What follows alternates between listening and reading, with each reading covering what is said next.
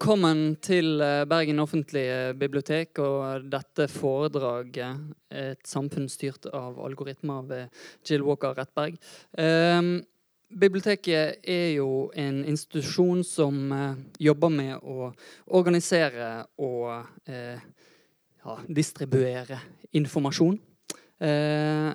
Og Derfor er jo den teknologiske omveltningen vi eh, nå går gjennom i hele verden, også spesiell interesse for oss. Og spørsmålet om informasjonsteknologiens påvirkning på eh, vårt samfunn har spesiell interesse for oss. Eh, og da ser jeg for et ganske stort publikum, og det, det er vi glad for. Um, til å diskutere en uh, viktig del av denne omveltningen, så har vi fått uh, Jill Walker Rettberg. Uh, hun er professor og leder for forskergruppen i digital kultur ved Universitetet i Bergen. Og en av verdens ledende eksperter på den nye teknologiens påvirkning på vår kultur og vårt samfunn. Hun har eh, skrevet boken om eh, blogging. Eh, en av de første og grunnleggende bøkene om eh, blogging som eh, kulturelt fenomen. Hun har også tatt for seg selfiekulturen og hvordan vår selvrepresentasjon er utspiller seg i de nye mediene. Og eh, hun står nå i Eh, startgropen foran et eh, stort forskningsprosjekt som har fått tildelt eh, hele to millioner euro fra Det europeiske forskningsrådet, som skal handle om bilde algoritmer og, bilder, og gjenkjenn maskinlesing av bilder. det høres utrolig interessant ut. Men det er en veldig spesifikk sånn måte å, å bruke eh, de teknologiske prosedyrene som informasjonsteknologien gir oss. Da. Eh, I dag skal hun snakke mer generelt om eh, algoritmenes påvirkning på samfunnet. Den siste tidens avsløringer og skandaler rundt Facebook og den plattformens påvirkning på amerikansk politikk har aktualisert det særlig. Men også her i Bergen, hvor vi nå står foran eh, en stor satsing i Bergen kommune. Det er kanskje ikke så mange som vet om dette arbeidet som pågår med å gjøre Bergen til en såkalt smart by. Eh, det kommer til å påvirke dagliglivet her i, stor grad. Ehm, alt dette her er en del av en stor omveltning som er nå i ferd med å skje. Og det er viktig at vi vet noe om det og engasjerer oss i det. Derfor er vi veldig glad for å kunne ønske Jill velkommen her.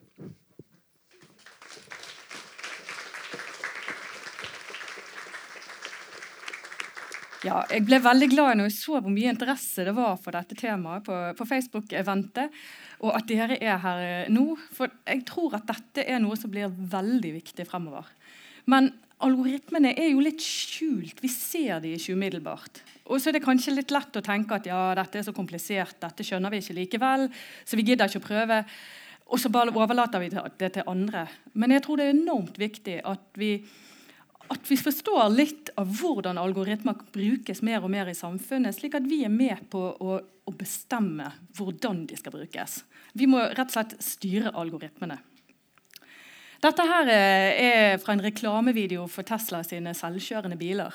Og dette er et eksempel på det forskningsprosjektet jeg skal begynne på, som handler om maskinsyn. Altså hvordan um, datamaskiner ser ved å bruke algoritmer for å tolke verden rundt oss.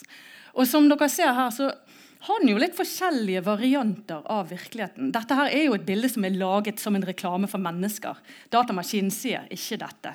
Datamaskinen ser, eller den sanser nuller og ett-tall, altså data. ikke sant? Og så oversetter den det til en modell av hvordan verden ser ut, og tenker at der er det et menneske, der er det en bil, her er det linjer på bakken som jeg må følge. Og så er, det, er algoritmene i dette her altså En algoritme la meg bare begynne veldig enkelt, en algoritme er som en strikkeoppskrift eller en forklaring på hvordan du skal løse en multiplikasjons, eller en, et komplisert delestykke. ikke sant? Det er rett og slett et sett med regler. Gjør dette, så gjør du dette, så gjør du det. Så her er det både en data som kommer inn til datamaskinen, og så er det algoritmer som bestemmer hva datamaskinen gjør med det. Og Algoritmer de brukes på mange forskjellige måter. USA har nok kommet lenger enn vi. Eller lenger, de har kommet videre. Det er ikke sikkert det er bra. um, og for brukes algoritmer i domstolene i USA nå for å forutsi, for å gi en risikoscore til mennesker som er domfelt for en kriminell handling. Og I dette tilfellet som dere ser, så fikk den unge kvinnen eh, en risikoscore på åtte av ti, mens han kun fikk en risikoscore på tre. Dette her er en litt sånn spesiell historie, egentlig. fordi at eh, altså, Risikoskåren skal indikere hvor sannsynlig det er at disse menneskene vil gjenta en kriminell handling. Og Dermed så har det noe å si for f.eks. Eh, hvor lang um, straff de skal få. Um, og i disse tilfellene, Historien til hun eh, til venstre her, eller til høyre um, Historien hennes hun er 19 år. Hun var 19 år. Hun var blitt bedt av tanten om å gå på skolen for å hente sin seksårige niese. Og så var hun litt seint ute. Så når hun gikk langs veien med en venninne, så, så, så de en barnesykkel og et sånn løpehjul. Og så tok de de og tenkte å ja, vi, vi bare tar de, og så sykler vi litt kjappere. Men de var altfor små. Det funket ikke. Så de bare slang de fra seg på gaten.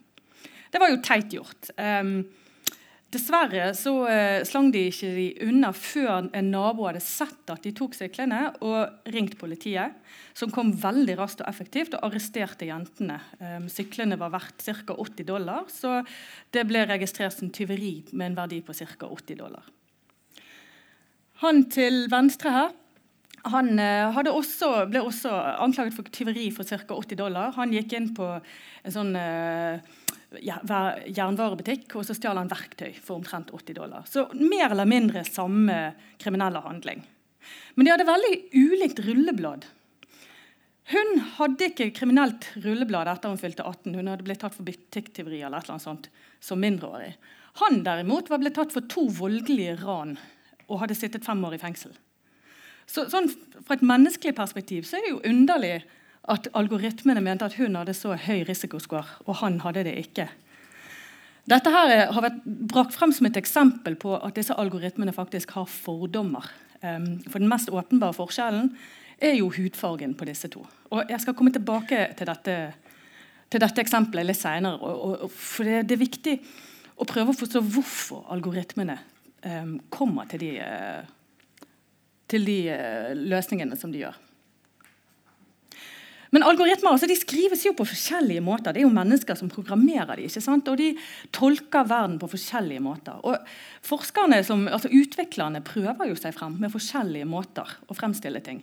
Det som Tesla-videoen viser, det er liksom én versjon av hva en, en bil kan se. Er, dette er bare fra en forskningsartikkel som gir eksempler på ok, hvis vi vektlegger dette, så blir det sånn. og hvis vi vektlegger det.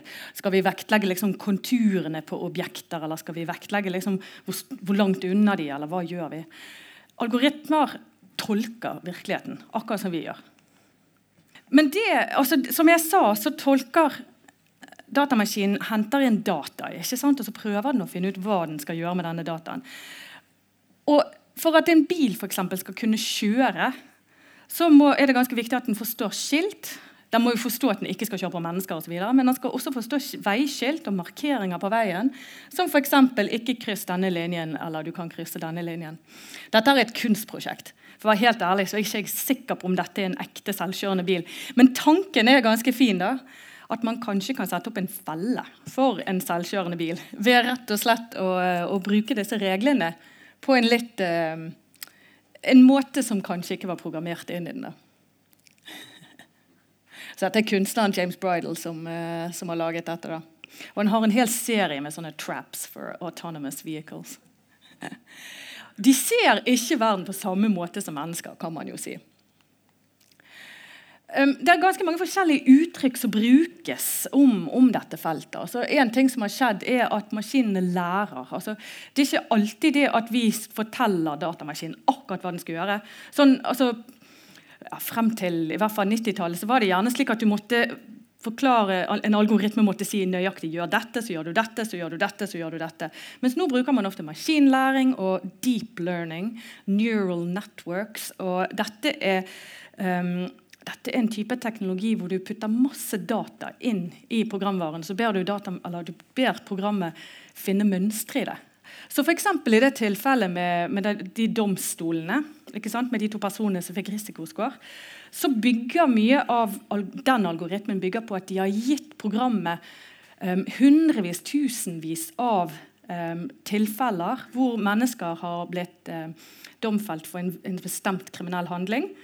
Og så har man sett på det over tid. Sant? De som hadde den handlingen, gjentok eller gjentok ikke. Og dette var bakgrunnen til de menneskene. ikke sant? Så man putter masse data inn, prøver å finne mønstre, og så kommer man med en forutsigelse om hvordan det kommer til å være. Men når man bygger på den type data som allerede har eksistert, så, det jo, så ligger det jo ofte fordommer i den type data. F.eks. i USA så er jo det langt, mer, langt, større andel svarte mennesker som havner i fengsel enn hvite. Og det er ikke bare det, det er veldig mange grunner til det. Det er ikke bare det at de gjør flere kriminelle handlinger. Et grunnleggende spørsmål innenfor digital kultur, som er mitt felt, da, det er altså, Styrer samfunnet teknologien, eller er det teknologien som styrer samfunnet? Og Ganske lenge så har folk tenkt, folk, folk, kaller det for teknologisk determinisme. hvis du sier at teknologi styrer samfunnet. Sant? Og Det har ganske lenge vært sett på som en, en, litt sånn naiv måte å se verden på. Fordi at Vi tenker jo at, um, at vi styrer, altså kulturen styrer teknologien. Sant? Det er jo ikke sånn at Tesla sin selvkjørende, bil plutselig bare oppsto av intet. Det er mennesker som har programmert den. Um, men likevel så, altså, så, er det jo slik at den teknologien vi har, ligger i visse rammer for hva vi faktisk kan gjøre. Stolene her er jo en type teknologi, og likeså lyden og det at jeg står på en scene her, som gjør det vanskeligere for dere. Ja, ja, dere kunne kanskje hatt diskotek her, men på, teknologien legger opp til at dere skal sitte noenlunde rolig og høre på meg akkurat nå. Så vi bruker jo ofte teknologi med vilje for å, å føre til ting vi ønsker. Men en artikkel eh, altså En forsker som forsket på dette, var Langdon Winner på 80-tallet. og Han har et nydelig eksempel som er sitert hele tiden, på hvordan teknologi kan styre samfunnet på måter man rett og slett ikke kanskje ville forventet. Dette er en av motorveiene fra Manhattan til Long Island. Um, og som dere ser, så er det en bro her, og den er ganske lav. Disse broene er det mange av på motorveiene fra Manhattan til eh, Long Island. Og jeg vet ikke om dere har vært der, men Long Island er denne her, um, rikmannsøyen, nesten. Bydelen med, med, med, strender og store hus. En buss kommer ikke under den broen der. Slik at når disse veiene ble bygget på 30-tallet, så var det nesten umulig å komme seg til Long Island hvis du ikke eide privatbil eller hadde råd til taxi. Hm. Tilfeldig? Kanskje. Etter hvert ble det jo bussruter som kjørte en omvei osv. Men, men det, er, det er jo et eksempel på en type teknologi, broen her, hvor man ikke umiddelbart ville tenkt at dette er med på å segregere samfunnet. Men så har det også den eh, effekten. Vi vet ikke hvor bevisst det der var. Um, men vi vet om andre eksempler på meget bevisst teknologisk styring av samfunnet. For eksempel, det er en grunn til at det var så mange revolusjoner i Paris fram til 1848. Eh, og Det er bl.a. at det var veldig lett å bare ja, Det har jo med franskmenn og mye annet å gjøre, selvfølgelig. Men det har også med at det var veldig lett å barrikadere de gatene. Det var smale gater. Lett å sette opp en barrikade, og soldatene kunne ikke komme forbi. Så Etter eh, en av disse revolusjonene i 1848 så bestemte Napoleon den tredje for at dette ville han ha slutt på. Ikke mer barrikader. Så han ba eh, baron Hausmann, som var byarkitekt, um, om å rett og slett rasere disse bydelene hvor de var forferdelige menneskene drev og barrikaderte seg hele tiden. Så de planla, de raserte hele bydeler og, og, la opp disse boulevardene som, fra, som, Paris har blitt så kjent for. ikke sant? Og det er jo vakkert. Det er nydelig. Det er veldig elegant og stilig. Det er også helt umulig å barrikadere de veiene der. De passer perfekt til stridsvogner. Og det, var, det vet vi var bevisst. Så teknologi styrer en del, men det er jo ikke alltid, det er veldig ofte ikke-intendert. ikke sant? Um, for så tror jeg ingen fant opp trapper spesifikt for at uh, mennesker som satt i rullestol, ikke skulle komme seg opp. Men det har også ganske stor effekt for de som er bevegelseshemmet. Og En annen type teknologi som vi ofte ikke tenker på som at den har den typen innbygget uh, diskriminering, rett og slett, det er fotografiet. Um, dette, altså det analoge fotografiet, der hadde man filmer som var tilpasset hvit hud. Spesifikt hvit hud. Og det var veldig eksplisitt, selv om ingen snakket om det. Liksom. Man brukte eh, slike kort. Det kalles Shirley cards, eh, fordi en av de første kvinnene på de var het Shirley. Um, og disse bruktes for å kalibrere filmen, altså når man fremkalte bildene. Og alle var som dere ser, av stort sett hvite damer med mørkt hår. sikkert ble litt kontrast. Pene, smilende hvite damer. Um, det medførte bl.a. at hvis du tok et klassebilde for eksempel, ja, før begynnelsen av 70-tallet i hvert fall, hvis du tok et klassebilde med hvite og mørkhudede mennesker, så kom de mørke ansiktene nesten ikke frem. Um, det var rett og slett veldig vanskelig å ta bilder av mørke mennesker. Og Det var ikke før på 70-tallet, når man fikk Kodak Gold, som spesifikt var for mørkere ting, um, at man at man fikk film som faktisk viste alle hudfarger på en god måte. Og det var ikke fordi at hvite mennesker plutselig tenkte oi, dette er jo diskriminerende. dette må vi få slutt på. Nei, det var fordi at um, folk som solgte møbler, møbler i mahogni og mørke tresorter, og folk som solgte sjokolade, klagde fordi filmen ikke kunne vise deres produkter godt nok. Og da kom Kodak med Kodak Gold. Ok, man, man, skulle kanskje tro at dette problemet var løst med, med, med digitale kamera. ikke sant? For vi trenger ikke å kalibrere det på samme måte. Men nei da. Da har vi jo f.eks. Eh, ansiktsgjenkjenningsalgoritmer som er opptrent på hvite menn, stort sett. Hvite mennesker. De er mest menn. De gjenkjenner kvinner litt dårligere enn menn. Men um, de gjenkjenner mennesker med mørk hud særlig dårlig. Og Dette kan jo være en, en, egentlig ganske ubehagelig sak når en ung kvinne tok selfies av seg selv og oppdaget at Google Photos klassifiserte hennes selfies som gorilla. Det er ikke hyggelig. Google har ikke klart å rette på dette. Det eneste de har gjort, er å ta vekk taggen gorilla. Så nå er det ingenting som, syner, som blir identifisert som gorilla. Grunnen til at dette skjer, er at For å lage en ansiktsgjenkjenningsalgoritme så må du ha mange mange, mange bilder av mange mennesker. Og så må noen gå inn og si 'her er øynene', og så må datamaskinen gå inn og se mønstre, og 'her er forskjellen', osv. Og det de har gjort, er at de har brukt veldig, over, veldig stor overvekt av bilder av hvite mennesker. De har også funnet at um, altså det er andre rare ting. Sant? Hvis du smiler så er det mer på et bilde, så er det mer sannsynlig at datamaskinen tror du er kvinne enn mann. Eller eh, ja, det, det var disse kameraene som er laget slik at du, de ikke vil ta bilde før mennesket som du tar bilde av, har åpne øyne, f.eks. Og Der fikk de mange klager fra asiatiske mennesker fordi bildene ikke var um, trent opp på asiatiske øyelokk. Så du har en del ting av det. Altså, kanskje det er en fordel for, uh, for svarte amerikanere på noen måter. For en, um, ja, Det er ikke en fordel at det er vanskelig for de å spille sånn uh, Connect-videospill uh, som bruker sånn ansiktsgjenkjenning. For da, I det tilfellet så, så ble de afrikanske amerikanere har klaget over at de ble dårligere gjenkjent. Uh, spillapparaten, spillkonsollen gjenkjenner dem ikke når de prøver å spille. Sant? For den er beregnet på hvite. Men kanskje det er greit at ikke de blir tatt så lett av overvåkning som hvite blir. Men det er jo ikke bare ansiktsgjenkjenning algoritmene prøver med. De prøver med um, følelsesgjenkjenning også. Og dette er et tenkt eksempel på hvordan det kan fungere hvis du kjører i en bil, og bilen merker for at du har bremset heftig noen ganger, og du ser litt oppgitt ut. Så kan den foreslå en alternativ rute for deg. Eksempel. Men nå tenkte jeg, Er det noen som har med seg mobiltelefonen i dag? Kanskje dere trekker den opp? Ikke, har dere gjort dette allerede? Fordi Dette er også en måte algoritmene prøver å gjenkjenne deg på. Det, det jeg tenkte var at Dere kunne prøve å finne ut hva Facebook har funnet ut, hva de tror om dere. Hvis ikke dere har mobil, så kan dere kanskje jeg vet ikke om noen vil la naboen se hva Facebook tror om dem. altså, vi har jo alle lest om Facebook i det siste, og hvordan de tolker ut fra, fra hva vi gjør. da. Um, og dette ja. Det er liksom her inne i innstillinga, langt nede, hvis du går på annonser. Um, og Her kan du se på interesse, men, men, det er egentlig disse kategoriene. Ja, De har endret dette. Dette fra forrige uke. de har endret det. Men denne uken så sto det kategori, informasjon om kategoriene. Det var langt nede på denne siden om annonser.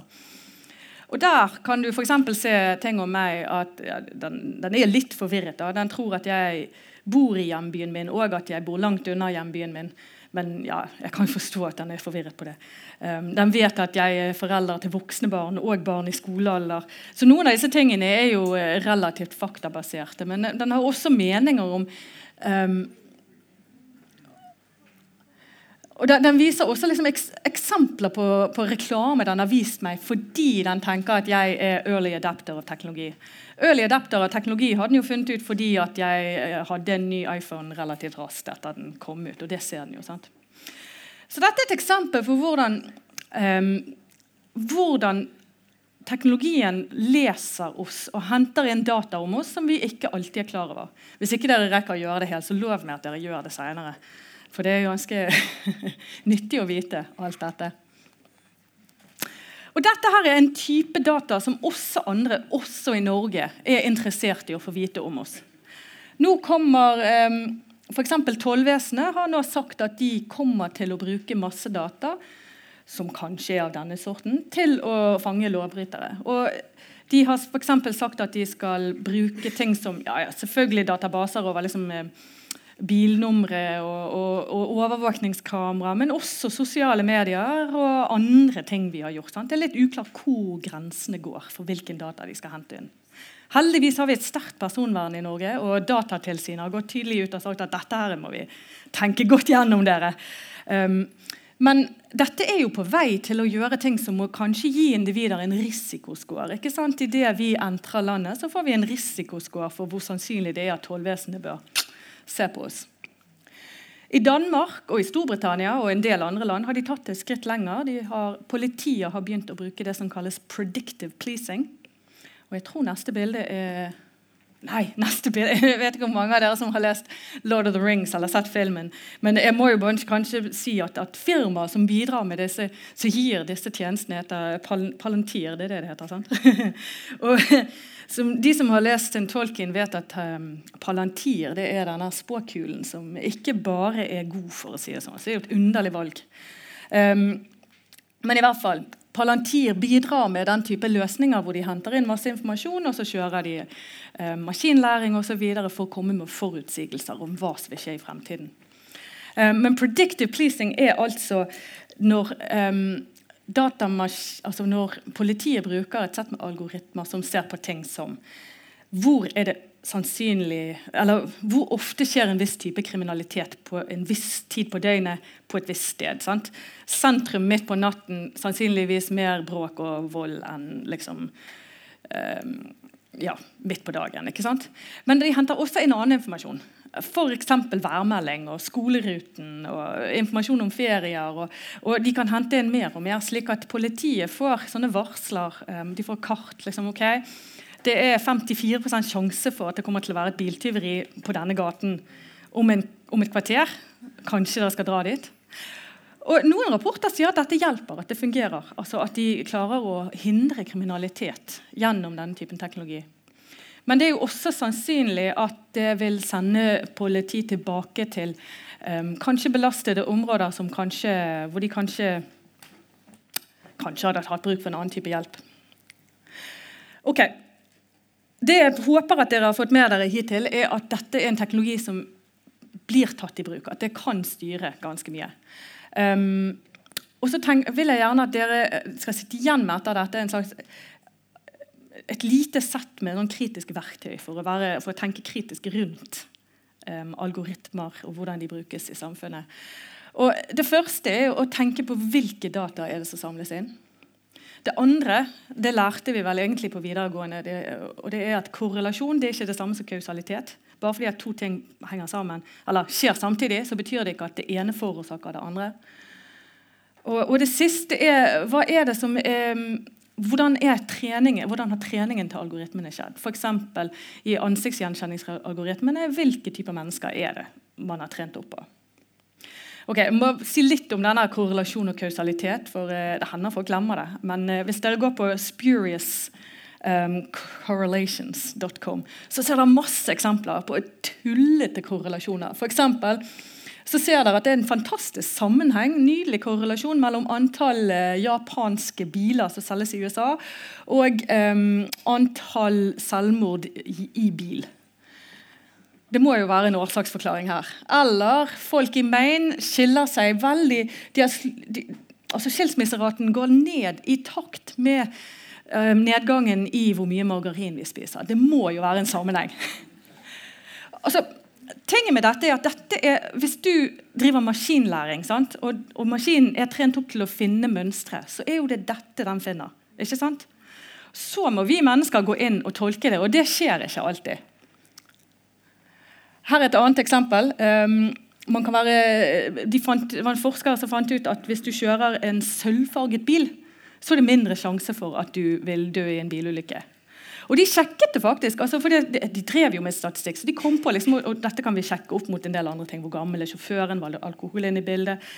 Men det de ikke sjekket det mot, var det faktum at på 90-tallet, da undersøkelsen ble gjort, så var sølvfargede biler vanligvis dyrere. Altså Luksusbiler var sølvfarget ofte. Um, og de hadde mer sikkerhetsutstyr. Kanskje det var årsaken, egentlig, og ikke fargen på bilen. Så Når dere ser den type sammenheng, så må dere tenke litt uh, kritisk. altså. Men når det gjelder maskinlæring og algoritmer, så er det, uh, dette blir enda mer viktig. fordi veldig ofte så kan vi ikke måle det vi egentlig har lyst til å måle. sant? Derfor så bruker man det man kaller en proxy. Og um, Proxy brukes på litt forskjellige måter. Første gang jeg hørte det, tenkte jeg proxy-server. Det er ikke akkurat det. Um, det, det, er altså um, noe som står for noe annet, er det det betyr. Um, en stedfortreller for det vi egentlig vil måle. Og I det sølvfargede bileksempel så ble det bilfarge blir en proxy for sikkerhetsnivå. ikke sant?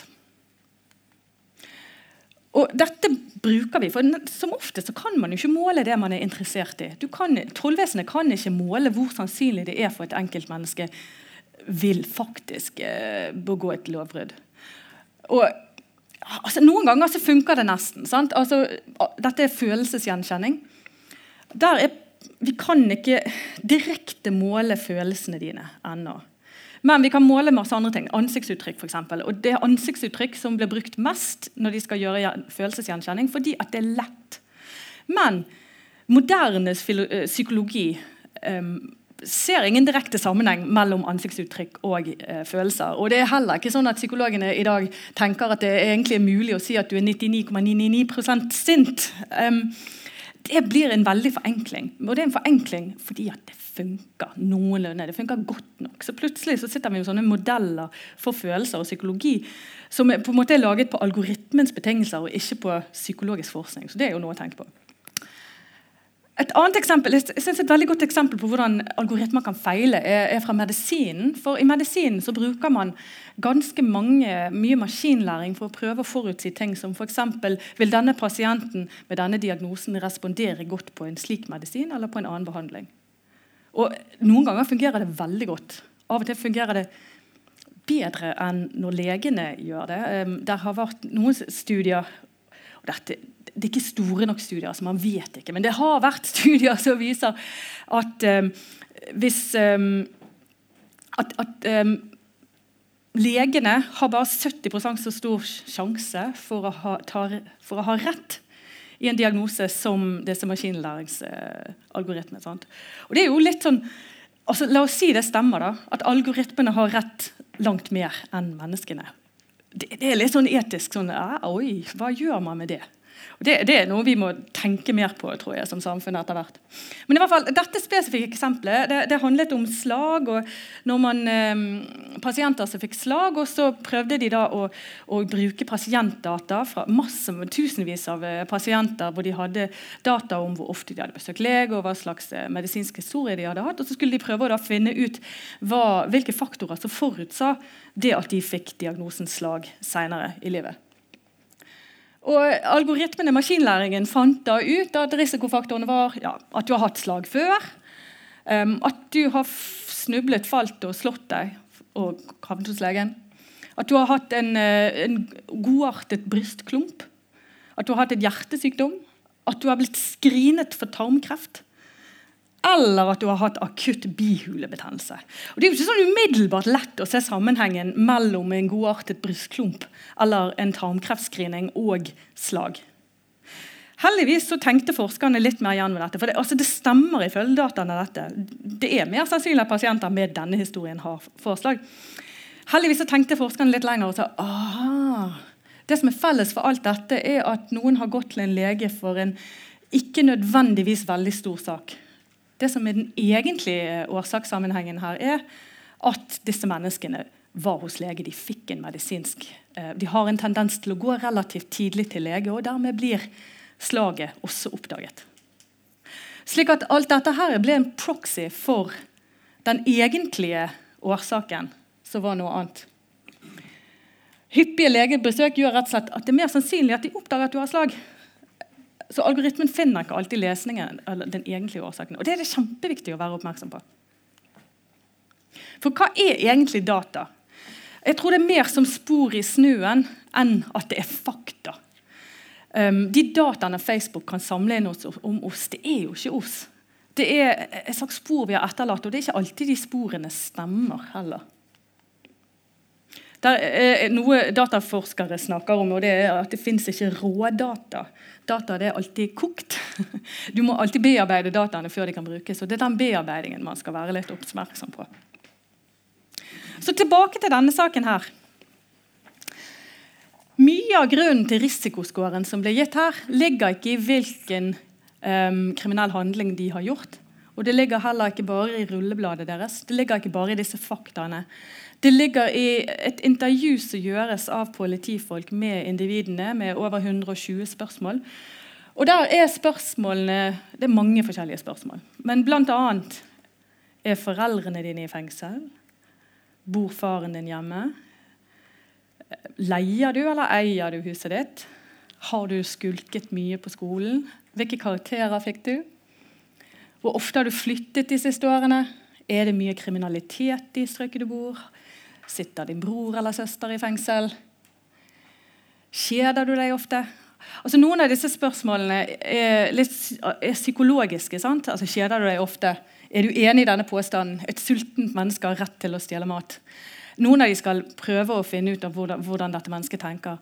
Men mange av disse spørsmålene her um, handler om hvilket nabolag du bor i. Det handler om det, er rett og slett spørsmål som vi vet at afrikanske amerikanere har en langt langt høyere sjanse for å måtte svare ja på. Jeg tror 10% av alle afrikanske amerikanske menn har vært i fengsel. Det er jo en enorm overrepresentasjon. Det er også høy, langt høyere skilsmisserate, det er større fattigdom. Det er um, mindre sannsynlig for at de eier et hjem. Slik at de vil statistisk sett skåre langt dårligere på dette enn de fleste hvite mennesker. ikke sant? Og I USA er det selvfølgelig forbudt å diskriminere ut fra etnisitet eller hudfarge. Men dette blir en masse sånne, i praksis så blir dette en slags proxy for etnisitet. Som gjør at algoritmene blir eh, fordomsfulle. Rett og slett. Og det har forskere, er ikke bare forskere, det, er advokater og, og, og jusprofessorer mange har begynt å påpeke dette. Og Det er også en bevegelse i gang i USA, og jeg håper det også kommer her. jeg tror det vil måtte gjøre det, Hvor man tenker at man må regulere disse algoritmene. For det, det produsentene har sagt, er at dette her er en forretningshemmelighet. Vi kan ikke si nøyaktig hvordan algoritmen kommer frem til. Så faktisk, Man vet ikke akkurat hvordan algoritmen ser ut. Det man vet, er at um, dette spørsmålene som stilles um, i dette politidistriktet. Og så får man ikke se algoritmen. Og Det er jo opplagt et problem for både rettssikkerhet og, og, demokrati. Så det er en bevegelse som sier at Vi må regulere disse algoritmene. Vi må kreve at de skal være åpne. De kan ikke være forretningshemmeligheter. I hvert fall ikke hva som ligger til grunn for at en forutsigelse blir tatt. Dette er en forsker som heter José van Dijk. Hun er fra Nederland. og Hun har brukt termen dataisme. Og Hun sier at dataisme det er en, en nesten sånn ideologisk overbevisning at hvis det er data, så er det sant. Det må vi tro på.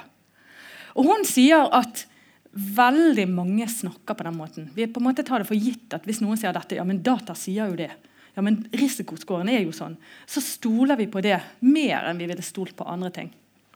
Og Det er jo klart en fare da, hvis, hvis disse algoritmene, hvis dataen har en, en, så sterk sannhetsverdi, mer enn det de kanskje burde hatt. Og Hvis vi tenker på det, og også tenker på at dette er i ferd med å bli en del av det norske samfunnet også, så er det viktig at vi tenker gjennom på hva det egentlig innebærer.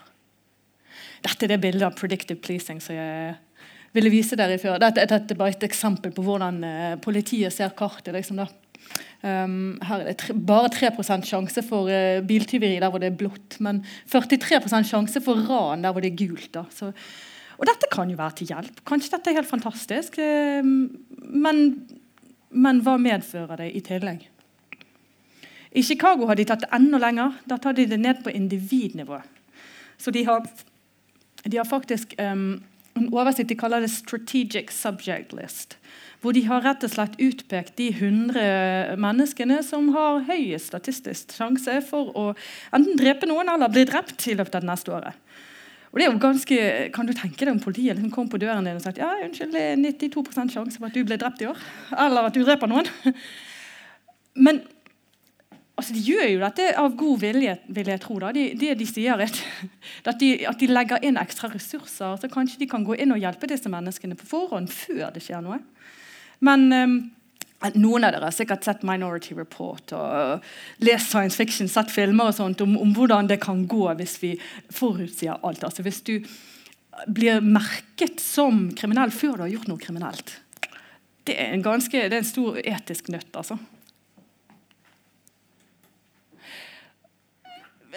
Dere, det er en stund siden dere har gått på videregående, men kanskje dere har barn og har sett utskriftene. De, de sånn, du kan logge inn og se på orden og oppførsels... Noen som er lærere som vet hva det heter? Jeg glemmer det. Takk. Men du kan logge det inn, i hvert fall. Og så kan du se nøyaktig. Så dette er et eksempel. Det var en som skrøt på, på nettet for noen år siden. Men jeg, jeg, tror det ser ganske likt ut fortsatt. da. Så for eksempel, Her står det liksom 9.9.2009, sjette time. Går rundt i klasserommet til tross for advarsler. Um, 8.9.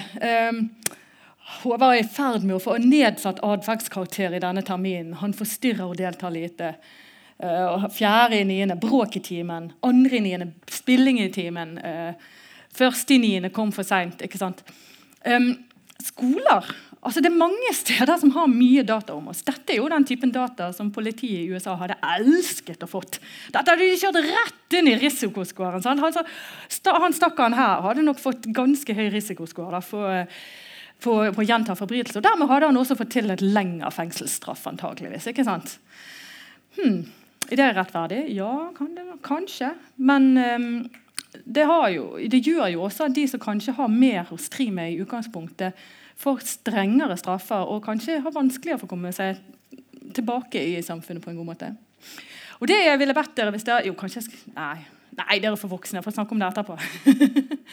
Men det jeg virkelig håper dere går hjem og tenker på, er hva, kunne, hva er det verste som kunne skjedd med all den dataen som fins om dere? Altså, tenk om noen hadde brukt ja, dere nabo, deres naboers dato, deres Facebook-venners dato, barnas oppførselsanmerkninger. og, og hvordan, hvor fort du har kjørt, fordi det måler veldig bomstasjonen. gjør det ikke det?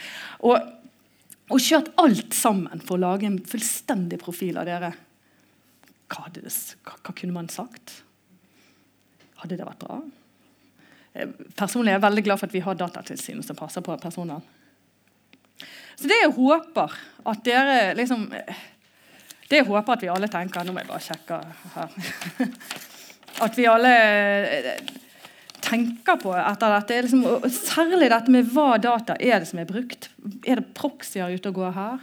Er det korrelasjon? Er det kausalitet? Hvordan er disse algoritmene laget? Fordi at og så tror jeg vi må tenke gjennom om det bør reguleres tydeligere i lovverket. Kanskje, altså I Norge har vi hittil vært ganske strenge. Kanskje vi skal fortsette med å være ganske strenge på hva som er lov til å bruke. For denne typen, eh, altså denne typen profilering av oss skal jo oppleves som et slags gitter. Dette er et kunstverk av uh, Zack Blas. han kalte det 'face cages'. og han mente at rett og slett sånn ansiktsgjenkjenning som vi bruker, at, at, det er et slags fengsel for oss. for vi blir, innes, altså vi blir um, Når vi blir fastlåst i den identiteten, så, så, så, er det bare det vi kan gjøre. Vi har liksom ikke mulighet for å opptre fritt. Det er jo tilfeller hvor eh, det er byer i USA for eksempel, og Nord-Amerika hvor man har for, det er forbud mot å gå med maske på gaten. For da kan ikke ansiktsgjenkjenningen i overvåkningskameraene identifisere deg. I Kina så har politiet i enkelte byer begynt med sånne briller med live ansiktsgjenkjenning. Det, er ganske, det, kan, det kan komme fort, dette. Og Da er det noen kunstnere som har utarbeidet måter å liksom stå imot. da. F.eks. hvis du klarer å skjule ansikt, altså Hvis det ikke ser ut som det er to øyne og, og, og nese, sant? så klarer man å lure disse algoritmene enn så lenge. Um, dette er nesten en grunn til å anlegge burka eller noe sånt i, i visse situasjoner. Så jeg håper at dere eh, går hjem og bare er, tenker kritisk neste gang dere leser i avisen at tollvesenet skal, skal, bruke stordata for å, for å løse lovbrudd. Så, så, tenk, hva betyr det? Bør vi regulere dette? Hva bør vi gjøre med det? Og Dette er ting jeg kommer til å jobbe videre med. Her, jeg ha, jo da, her er lenke til bloggen min osv. Jeg kommer til å um, skrive videre om dette og andre typer algoritmisk forskning som jeg holder på med. Tusen takk.